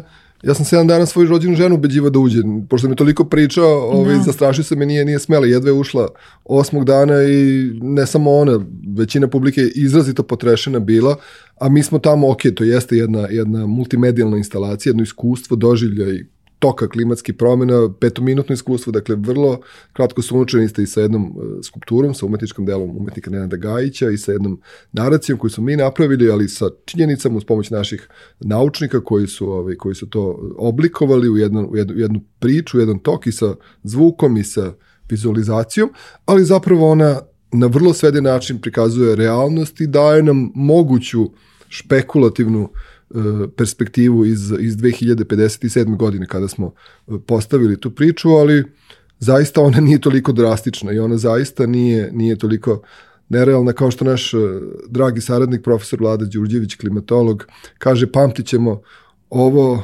leto i ovu novu godinu kao neke od najhladnijih koje smo imali da. u našim životima. Da. A, ovu novu godinu najhladnije, a leto, je, da. pa da, u stvari oba. oba isto da, najhladnije, da. Isto, isto ovaj, da.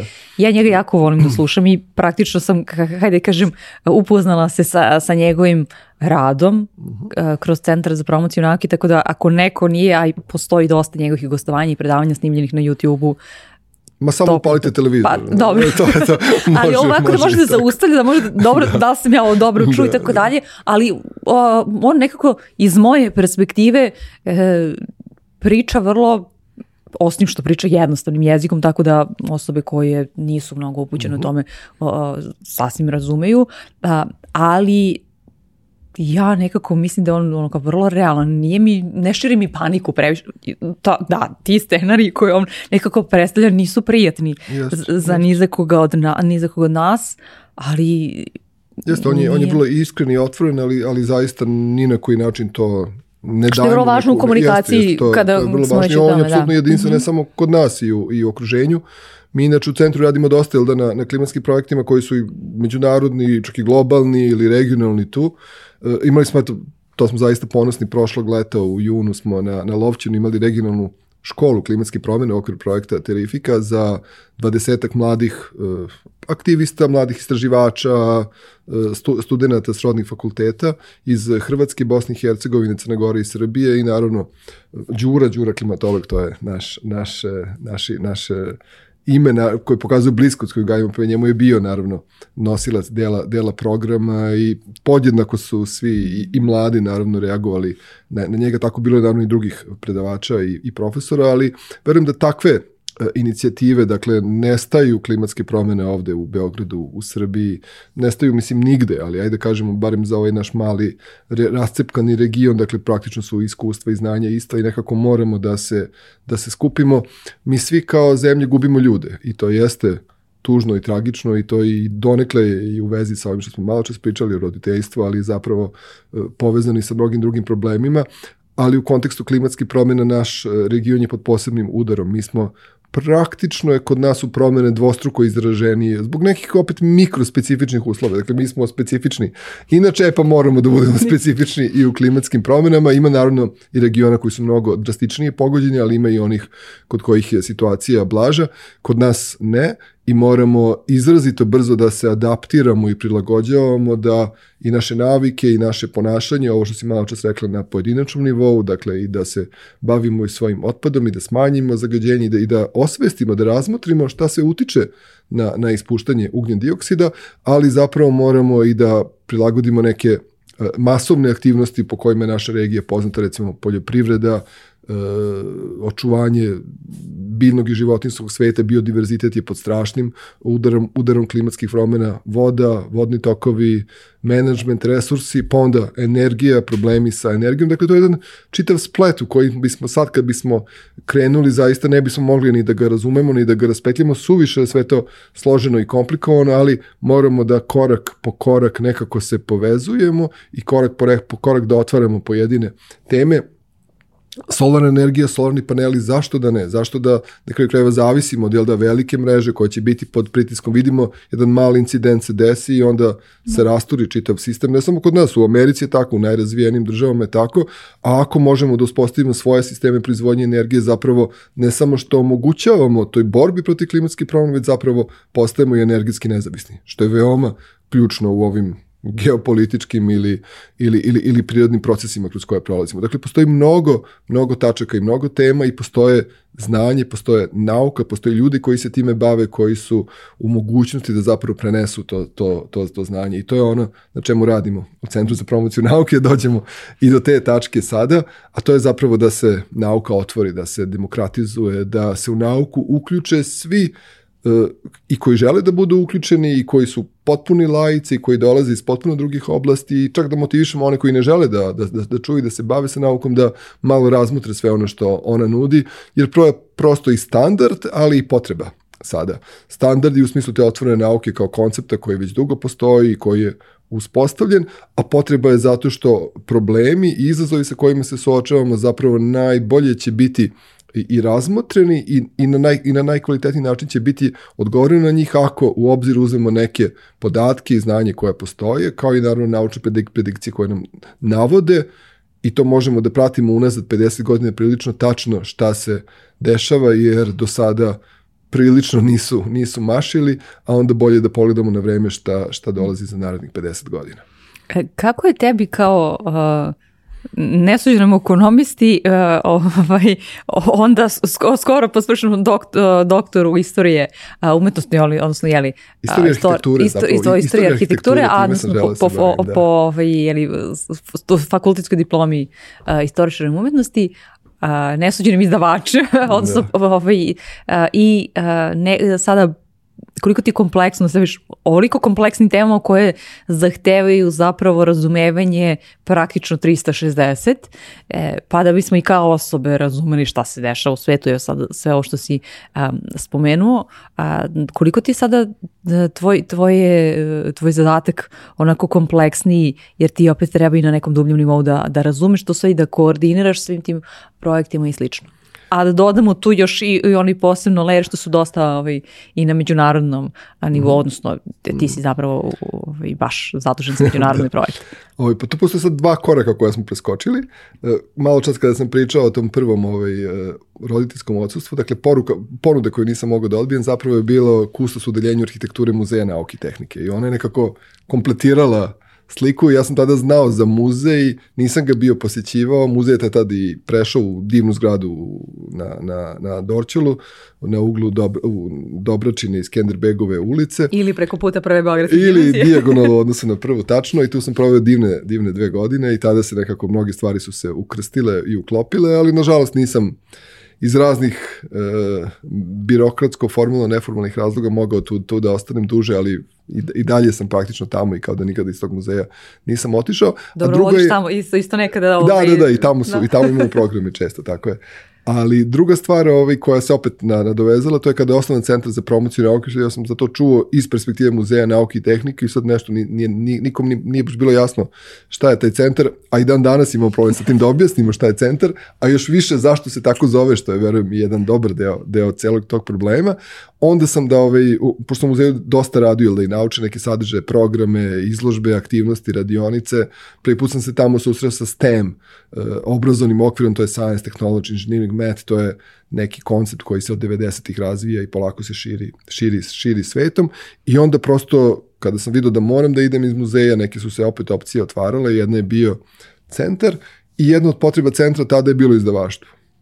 I to je ja kao, nisam baš, nisam se baš nudio, ali to bila potreba, jer centar pored svoje izdavačke djelatnosti, tada nismo imali časopis elemente, ali smo objavljivali razne da. izdanje, knjige i publikacije, ima jednu veoma lepu i ozbiljnu zakonsku obavezu kako je osnovan, a to je da svake godine u okviru sajma knjiga u Beogradu izloži celokupnu godišnju produkciju naučne zajednice u Srbiji. Znači sve što objave naši instituti, fakulteti, zavodi, srodne institucije, to je obično nekih hiljadu naslova, dakle ogroman broj e, monografija, časopisa, revija, zbornika radova, raznih vidova kako se nauka u stručnom smislu komunicira I to prosto u centru tada niko nije mogao da se bavi, jer prosto ko bi se time bavio, došlo je do mene i onda se meni ostvarila opet još jedna davnašnja želja, jer sam ja od srednje škole praktično radio na štandovima na sajmu knjiga u SIM, dakle od ono nosača, prodavca, organizatora, posle izdavačkoj kući i, i sa malo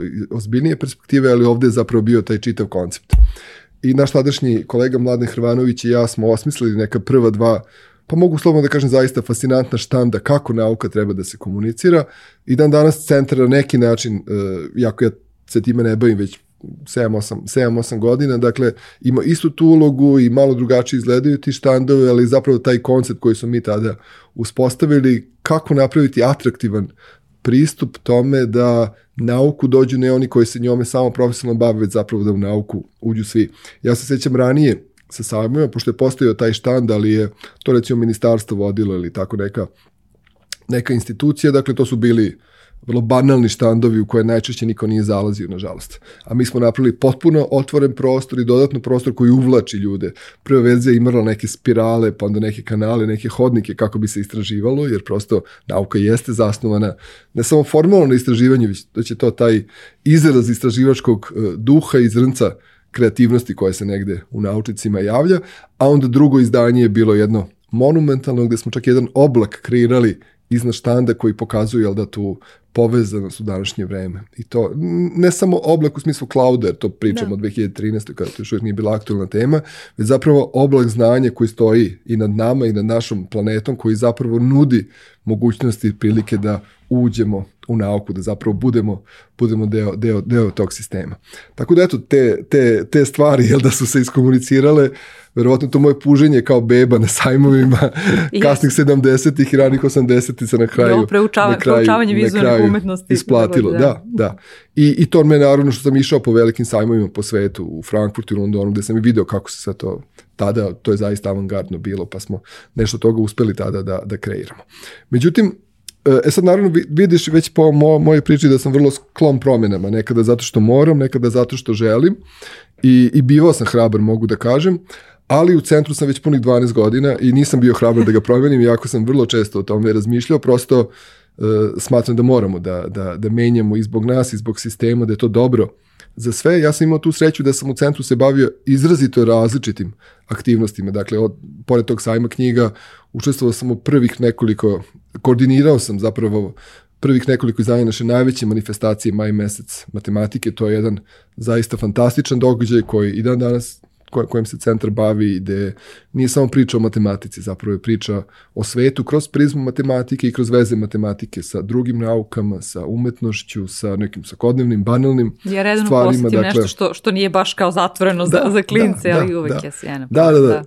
I, I time sam se, jel da, jel da, bavio, a onda u nekom trenutku, zapravo I pre toga smo počeli polako da pravimo neke međunarodne veze, partnerstva, saradnje. Prvi, recimo, maj mesec matematike je bio zasnovan na iskustvima Nemačke godine matematike. Ne, matematičko društvo Nemačke organizovalo čitavu godinu matematike, čini mi se 2008. ili, ili 7. kako bi zapravo skrenulo pažnju javnosti, pazi sad u Nemačkoj, na matematiku i mi smo mnogo njihovih sadržaja preuzeli, onda smo tu već neke kontakte uspostavili i povezivali se, a kasnije smo onda ušli već u prva partnerstva, ispostavilo se da i mnogi za, za to znaju, a pogotovo u, u nauci i istraživanju, da postoje veliki evropski programi koji nude mogućnosti saradnje, koji finansiraju projekte i da mi kao Srbija, kao organizacija Srbije možemo da na potpuno ravnopravnoj bazi učestvujemo. To su veliki programi. Centar je 2012. dobio svoj prvi projekat i od 2012. do sada imamo ih 60, što je zaista izuzetan uh, uspeh za organizaciju koja ima 30 zaposlenih manje više sve vreme. Kada su ti projekti polako počeli da, da, da pristižu i prosto centar je i tematski E, organizacije koje odgovara tome, jer prosto teme kojima se mi u centru bavimo, to otvaranje nauke, komuniciranje nauke, povezivanje nauke sa drugim sadržajima, uključivanje mladih u nauku, inspiracija, e, motivacija, veze sa, funkcionalne veze sa obrazovanjem koje čini nam se da postoje, ali zapravo i najmanje nisu tako linearne i, i jednostavno to su teme današnjeg savremenog sveta, to su prosto iskustva, potrebe i izazovi 21. veka. I mi smo onda tu prosto našli neko svoje svoje mesto i shvatili smo 2015. da mora se napraviti jedan sistem, da ne možemo baš samo da se bavimo ili da projektno, da prosto to mora da se uredi i onda sam ja ostavio iza sebe i taj sajam knjiga i maj mesec matematike i sa nekoliko kolega kreirao novi sektor u kome sam od tada. E sad to je već 8 godina će biti uskoro, dakle to je za mene predugačak period za neku moju percepciju profesionalnog razvoja. Za mene je celoživotno učenje osnov. Znam da ima kasnije ono tvoje pitanje, ali ajde možda da, da, da ne iskoristim sve. da.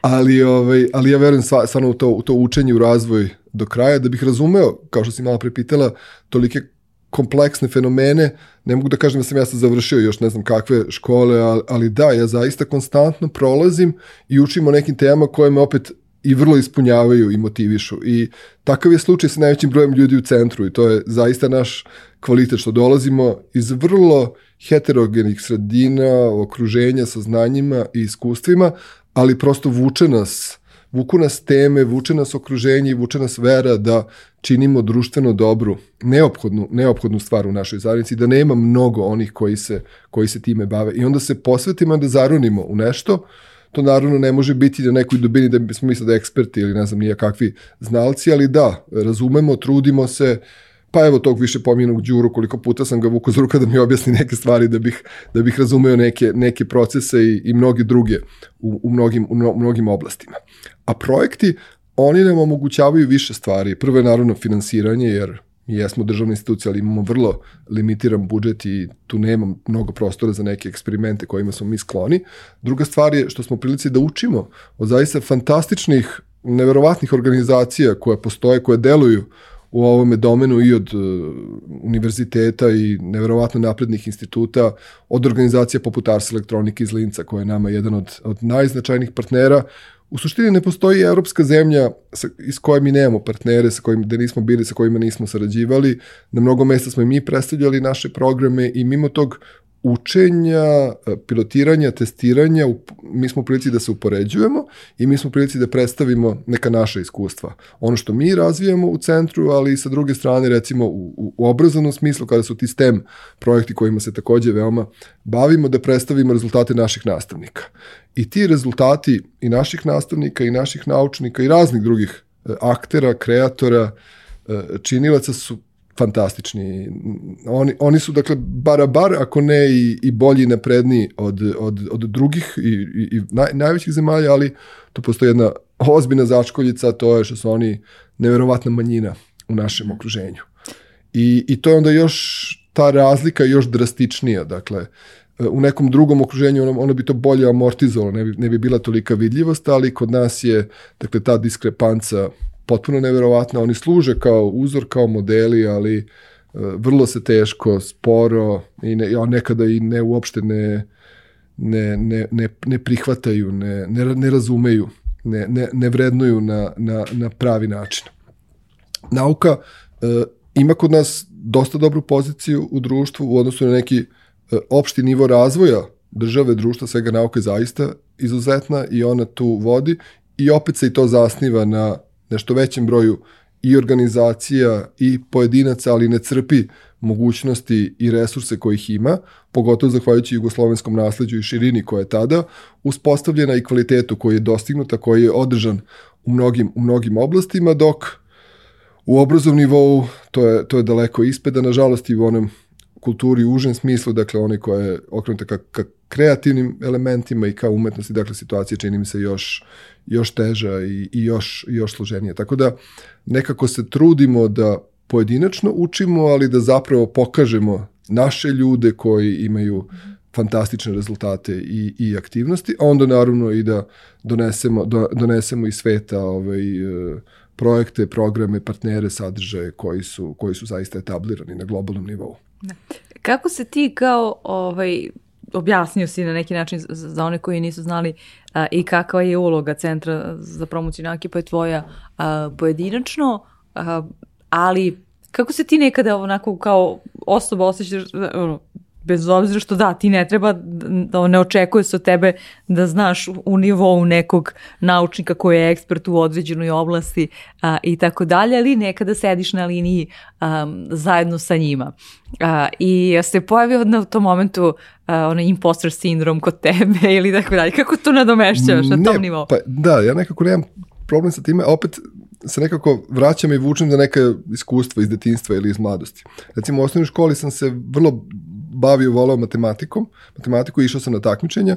U srednjoj školi razna je bila matematičarka i apsolutno mi nije legla i mi smo bili u, u klešu, što bi se reklo, dakle to ni nešto nije ličilo, a onda sam se bavio ti maja mesece matematike, tako da su ljudi mislili da se ja matematičar. Moj sin je u vrtiću rekao da mu je tata matematičar. I, ovaj, I sad ja nisam ne znam koliko, šta, šta je sad, šta, sad kako sad i može učiti matematika, ali neki nivo razumevanja naravno mora, mora da postoji, ali sam se uvijek pitao, Bože, ako ta moja razredna ovo vidi, da li mene smatra za svoj najveći neuspeh ili za najveći uspeh ako, je, ako se to desilo. Dakle, negde stvari legnu, negde, negde, negde stvari, negde stvari, stvari, stvari kliknu. Sa, sa, sa druge strane, dakle, uh, iz, iz mog iskustva, dakle, što su ljudi veći znalci što su svesni svog znanja, oni su daleko primčljivi mm -hmm. i oni su vrlo tu da, da podele svoje znanje. Ta, ajde, ajde, ajde o tome možda malo da pričamo, deljenje znanja solidarnost među ljudima, ne samo u tom, tom odnosu. To je, mislim, ključno. To su neki odnosi koji kod nas postoje, ali opet su manjina. U drugim zemljama čini mi se da je to daleko otvorenije. Dakle, to deljenje znanja, znanja je ključno nema ništa toga ako znanje ostane zatvoreno u da. nekim užim, užim krugovima. Nikoga neće ukrasti na kraju kraja. Može i tim ljudima koji ga imaju samo da doprinese da budu uspešniji u onome, u onome što rade. Centar, dakle, se bavi nečim što se zove naučna komunikacija. Ona je akademska disciplina, izučava se u najvećem delu sveta, nažalost, ne kod nas. To je recimo prva tačka. Zašto kod nas mi smo pokušavali, nismo uspeli, ili zašto kod nas ne postoje studijski programi? Da ne pominjem da se, da se osnuje katedra ili neka, neko nezavisno telo, nezavisna institucija koja bi se bavila time kako da se nauka komunicira. Postoje primjeri, postoje instituti, fakulteti koji teže tome, koji otvaraju neke, neke, neke centre ili ih najavljuju, barem da će biti e, otvoreni, koji će se time baviti. Deljenjem znanja, predstavljanjem onoga kako nauka živi. Centar kada je osnovan, on je jedan od ključnih segmenta bila izgradnja, koja se seća te čuvene zgrade na Novom Beogradu, e, u bloku pored FDU-a, koja bi bila prvi veliki interaktivni naučni centar u Srbiji. Sad to izgledalo onako avangardno kao svemirski brod i jeste i cena je uh, otišla u nebo, otišla u nebo, dakle taj objekat došao i taj projekat je nekako ostavljen sa strane, ali to su centri kao što je koji se po svetu zovu uh, eksploratorium, na primjer, ili, ili, ili Nemo u Amsterdamu, koje, koje je bio pe video, ili Cité de Science, grad nauke u Parizu, Leonardo da Vinci u Milanu, u Londonu je Science Museum, to je anglosaksonski termin, cela Amerika je, Amerika je u njima kod Sofije ima jedan mali deči ovde, kod nas zove se Muzejko. U Ljubljani se zide već neko, to je planira se izgradnja neko vreme, nadam se da će uspeti. Ima i kod nas nekih inicijativa u okviru recimo ETF-a, Instituta za fiziku, ovaj veliki Bio4 Campus koji se najavljuje gore na Torlaku takođe u sebi treba, treba da, da, da, da, da sadrži taj element. Dakle, to su prostori u kojima se ljudi bukvalno uvode u nauku. To nije kao muzej nauke i tehnike u kome sam ja radio koji baštini i čuva i, i neguje naše nasljeđe koje to povezuje, koje naravno pruža, po, e, pruža, pruža, pruža dokaze o nekom našem nivou razvoja i, i, i tehnološkog i, i, na, i naučnog. To su prostori zapravo u kome nauka izlazi javnosti pokazuje šta ona može da bude, pokazuje svoje čuda, inspiriše, nosi ljude, motiviše. Mi u centru se time bavimo, samo što nemamo jel da tako jednu veliku instituciju ali iza sebe. Ali nove naučne klubove da otvarate. Ali jeste, da, da, imamo, imamo naučni klub, da. imamo, imamo makers, makers labove, imamo neke pripreme za neke nove gradove, sada najavljujem, nadam se da će ovoj godini to zaista dostići jedan fantastičan nivo, ali to i dalje nisu, dakle, naučni centri u pravom smislu, ko želi da, da zna šta bi centar mogao ili šta bi trebalo da bude zaista neka ode, eto, naveo sam ovih, ili recimo Ars Elektronika u Lincu koji zaista nije, Meni nije daleko. Na listi. nije, nije, nije daleko odavde. Dakle, to su prosto okruženja gde vi da, da, ste vi, da vi uđete u nešto, možete i da zatvorite oči, otvorite oči ko je, ko je sklon kakvom doživljaju, ali vi zapravo uranjate u jedan svet koji nauka boji. I to nije da bi se glorifikovao nauka. Ja ne želim da pričamo o nauci kao o novoj religiji ili ne znam, kao o, o, o, ne, o nečemu što ili da nema, nema, nema, nema nikakvog kontrasta ili nešto o čemu ne treba diskutovati, nešto treba uzimati zdravo za gotovo. Ne, nauka zapravo ona opredeljuje naše okruženje, naš život, naš svet, onoga boji, to se dešava već dugo unazad. Sa druge strane, ovo što smo pričali o e, iskušenjima, o problemima, o, o svemu što nose klimatske promene. Dakle, tome se najbolje možemo suprostaviti ako razumemo te procese i fenomene iz naučne perspektive, uzimajući i razumevajući činjenice koje dobijamo. Zapravo, nauka i ti naučni centri, oni nas samo uvode u jedan svet gde mi ne postajemo nužno i ne moramo da budemo naučnici, ali razumemo onu tačku gde je nauka već u nama. A najčešće tu postoji ta, to, ta, ta prepreka, ta, ta, ta, taj ne, ne, ne, nedostatak. Dakle, ti svi sadržaji, oni su tu. Mi, mi sad pričamo uz pomoć neke tehnologije ili koristimo neku tehnologiju. Ta tehnologija je zastavna na naučnim istraživanjima. Mi ćemo otići svojim kućama i tamo ćemo opet e, jesti neku hranu ili koristiti neke proizvode koji su opet nastali zahvaljujući naučnim istraživanjima. Uzimat ćemo stvari ili ćemo raditi stvari zdravo za gotovo, ne razmišljajući zapravo šta stoji iza svakog najpojedinačnog, najsitnijeg elementa našeg okruženja, a verujem u ogromnom procentu zapravo je nauka ta koja je ga je kreirala ili doprinela njegovom razvoju. Stvari odavno idu u tom smeru, ali znanje, razumevanje, opšta percepcija ih ne prati. I uloga i svrha Centra za promociju nauke, srodnih organizacija, na kraju tih fantastičnih naučnih centara kojih ima na stotine ili hiljade širom sveta, ali nažalost nema još uvijek nijedan kod nas, jeste da malo olakšaju razumevanje i da malo direktnije naprave tu komunikaciju, premoste jaz koji, koji, koji je identifikovan, koji, koji postoji.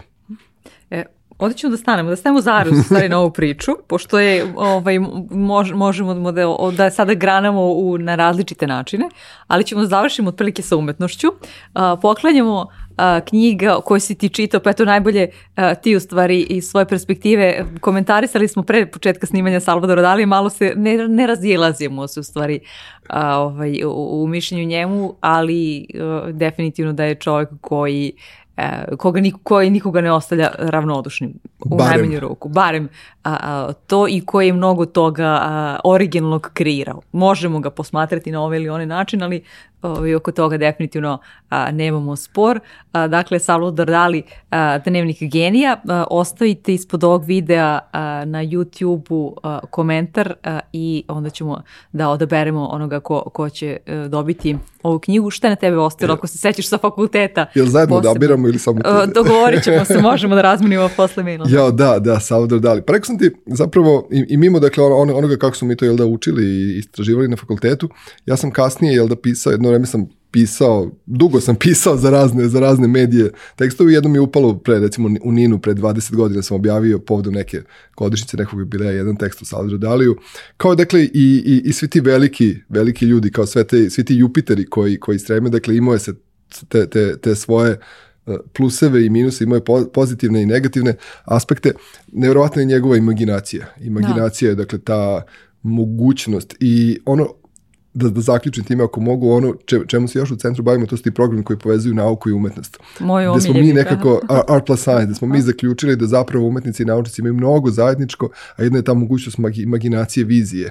Zamišljanje i doživlja nečega čega nema. Ne. Nešto čega ne postoji. A postoji tek kada ih takvi, takve, takve ličnosti i takvi, takvi, takvi zaista geni koji znaju i veruju da su geni kao dali ili neki koji su daleko skromni pa imaju drugačiju poziciju, e, osmisle i urede. I taj svet Salvadora Dali je poseban sam po sebi, bez obzira sada da li i u kolikoj meri jel da razmatrali šta stoji iza svega toga. Da li, da, znaš ti kad uđeš pa kad vidiš onaj automobil kao prikaz njegovog sna, da. genijalno, potpuno, da. samo na to. Ovaj, pa da, možemo da kažemo da, da je živeo svoje snove, jel? da, da, pot. Uh, imam još dva pitanja, za kraj i ovim ćemo zaključiti a, razgovor, a to je, bez, a, odnosno, hajde prvo da čujemo ko si u suštini. Ti čuli, pričali smo nekako sada na neki način o svim tvojim ovim formalnim titulama, ali ko si u suštini? Pa da, o tome sam ovaj razmišljao, ali da budem iskren ništa pametno, to je zaista veoma teško pitanje i, i, i, i niti znam ovaj, kako bih voleo da, da, da budem zapamćen ili šta da ostane iza što bi se ono reklo beloved father and da. husband, da. kako, kako, ono, kako pišu u Ameri već. Dakle, što što sam u svom životu, posebno u posljednje vreme, podredio nečemu u što verujem. I, i, i verujem da ima dublju, dublju, dublju svrhu. I jako sam jel da ponosa na to, na to vreme koje sam proveo sa svojom decom na odsustima, zapravo posebno u poslednjih deseta godina veoma malo sam bio, bio sa njima, verujući da se borim za nešto što će njima omogućiti bolji i jednostavni život. I nemam pojma da li sam u tome uspeo, to verovatno nikada neću, neću, neću ni saznati, ali verujem da mi svi kao pojedinci moramo malo da se usmerimo na neke opšte vrednosti, da se barem e, e, dogovorimo oko onoga koja, šta, šta, je, šta je ono zajedničko u što verujemo, da budemo solidarni jedni prema drugima i da neke partikularne, posebno materijalne interese ostavimo po stvari. Mislim da na jedan veliki reset globalnog sistema je neophodan. U tom smislu zaista se zalažem za, za zajednicu, za zajedništvo, ali na zajedništvo koje je zasnovano na onome da kao vrsta opstanemo u okruženju u kome se nalazimo. A iza te vrednosti stoje ono malo pre što sam spomenuo, a to je dakle to uh, konstantno uh, učenje, te, to konstantno usavršavanje. Dakle, ja jesam istoričar umetnosti po obrazovanju, ali ja ako mogu tako da kažem i ne mislim ništa loše tim, ja zaista sebe ne mogu da smatram istoričarom umetnosti, jer ja se time ne bavim uh, aktivno već barem 10 ili 15 godina i ja sam suviše daleko od, od te nauke, od tog istraživanja, prosto moram da budem u nečemu, da, moramo da budemo u nečemu da bismo, da bismo to bili.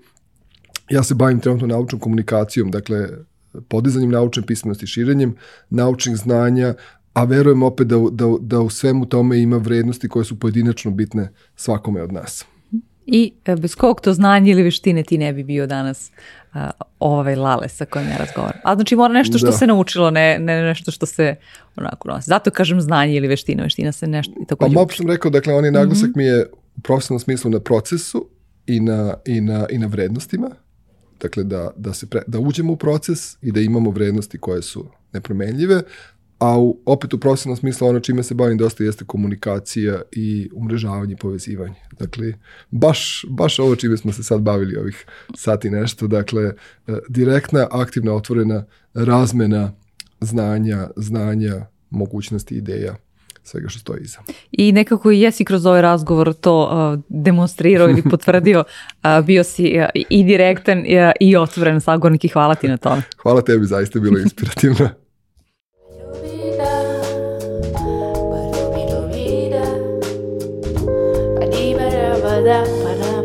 Raro.